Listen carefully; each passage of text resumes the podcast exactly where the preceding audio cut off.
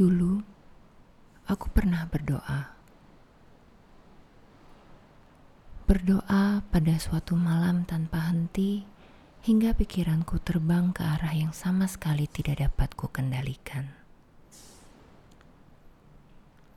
Seperti menonton film, kita hanya dapat melihat, merasakan, menelaah, dan menebak apa yang akan terjadi.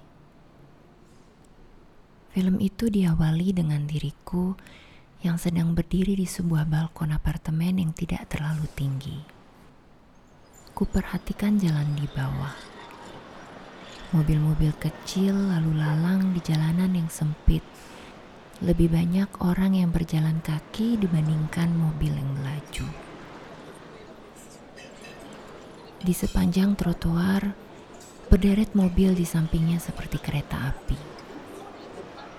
Dari kejauhan, aku dapat mendengar bunyi klakson mobil yang tersamarkan oleh suara orang-orang yang membeli sayur di toko seberang dan anak-anak muda yang duduk di teras dengan gelas bir dan wine.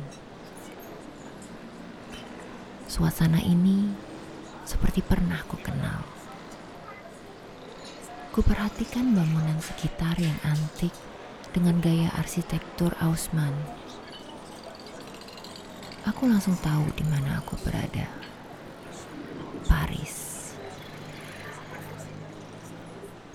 Dari balkon itu, aku masuk ke ruang keluarga apartemenku yang luas dengan perapian dan detail bergaya Haussmann yang sangat klasik dan elegan. Sebuah sofa panjang dengan bantal-bantal kecil terletak persis di tengah ruangan berlantai kayu mahogani berwarna coklat kemerahan. Sofa besar itu terlihat kecil di ruangan yang seluas ini. Aku berjalan menyeberangi ruang itu dan menelusuri sebuah lorong dengan langit-langit yang tinggi. Aku berhenti di depan sebuah pintu putih yang tertutup. Kubuka pintu itu dan aku melihat Syafi, remaja, mungkin sekitar umur 17 tahun, di atas tempat tidurnya dengan punggung yang menempel pada dinding dan kaki yang berselonjor santai.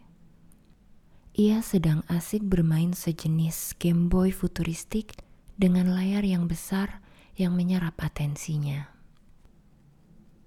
Aku berbicara pada Syafi, tapi tak dapat mendengarkan isi percakapannya. Yang pasti, Syafi merespon dengan muka malas dan cuek, seperti remaja pada umumnya saat berbicara dengan orang tuanya. Aku kemudian kembali ke ruang tengah yang luas. Aku seperti mencari seseorang di rumah itu. Seorang pasangan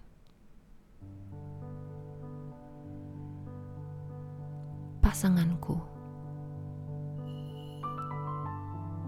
Aku kemudian sadar bahwa aku sendirian, namun aku tidak kesepian. Aku memiliki semuanya, dan aku berada di tempat yang ku mau. Home bersama Shafi.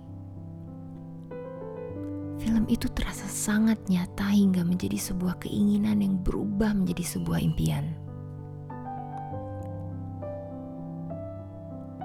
Aku tidak tahu mana yang lahir duluan. Film dalam pikiranku yang melahirkan keinginan untuk tinggal di Paris, atau keinginanku untuk tinggal di Paris yang melahirkan film bayangan masa depan dalam pikiranku. Sepuluh tahun telah berlalu, dan keinginan untuk tinggal di Paris semakin hari semakin besar. Mungkin karena itu adalah tujuan yang harus aku capai. Segala keinginan pastinya sedikit banyak datang dari hati. Jika tidak, mengapa kita menginginkan sesuatu yang tidak perlu dan tidak penting? Pasti semua keinginan ada tujuannya dan datangnya dari inner self, seperti talenta, dan inspirasi. Apa yang menggerakkan kita? Dan ke mana arahnya? Untuk apa?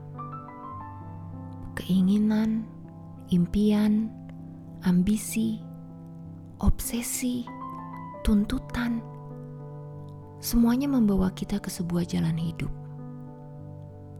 Semuanya adalah pancingan atau umpan agar kita berjalan menuju jalan yang sudah dipersiapkan. Tentunya, jalan ini tidaklah tunggal atau individual. Jalan yang kita pilih pastinya berperan penting pada jalan hidup orang lain. Semuanya berhubungan.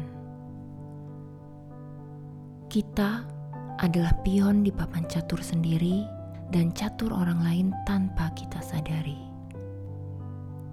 Dan pion kita selalu berubah bentuk. Terkadang kita hanya sekedar pion kecil tetapi dicatur orang lain pada saat yang bersamaan kita adalah pion penyerang yang melakukan sebuah skakmat. Ada yang menjadi pemain kecil dan ada yang menjadi pemain besar. Manusia hanya bisa berkeinginan. Siapa yang bisa tahu keinginan kita di masa depan? Bisa jadi saat aku berhasil mewujudkan mimpiku untuk pindah ke Paris dengan Shafi, aku kemudian berkeinginan untuk kembali tinggal di Jakarta.